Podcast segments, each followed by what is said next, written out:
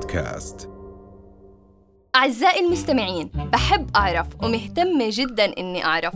أكلتوا سمبوسة بالجبنة ولا باللحمة ولا بالخضار؟ خلص تمام. بما إنه مش مهم أعرف اليوم بدنا نحكي عن إحدى تراث شهر رمضان. يا جماعة كلنا إلنا ذكريات في أيام الطيبين بشهر رمضان.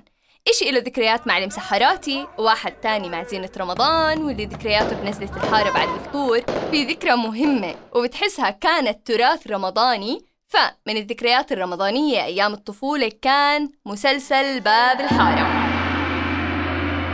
المسلسل هاد بتذكر كنا نستنى رمضان بس عشان نحضره.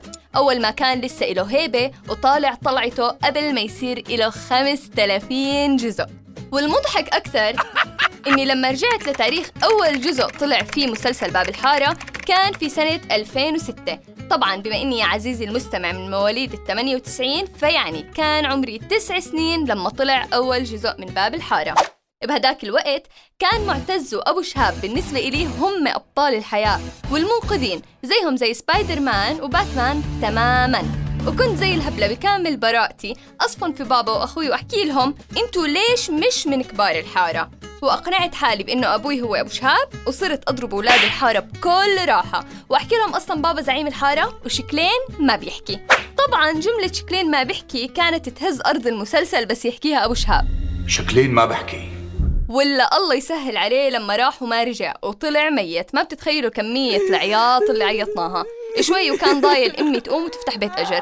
وطبعا بما إنه المسلسل كان يصور البيئة الشامية القديمة والعادات القديمة كان في الزلمة كلمته ما بتتثنى ومشاكل المرة مع جارتها ممنوعة والبنت تطلع تنكشف على غير أهل بيتها تنشحت دغري على البلوعة.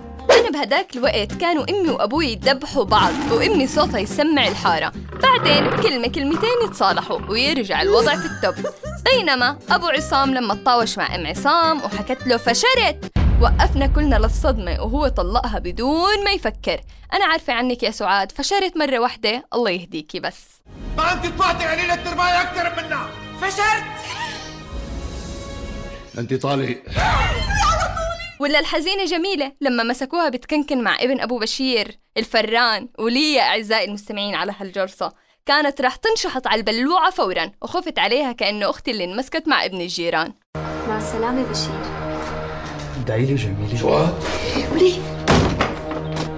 عمي أبو عصام؟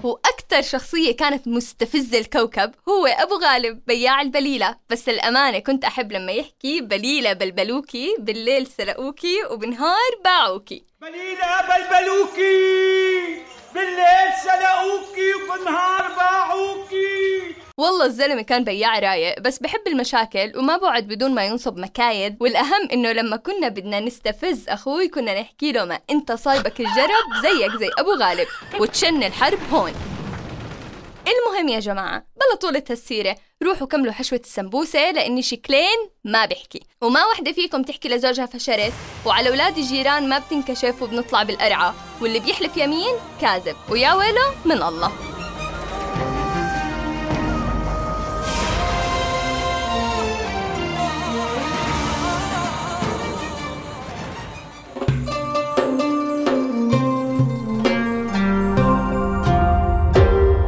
Podcast.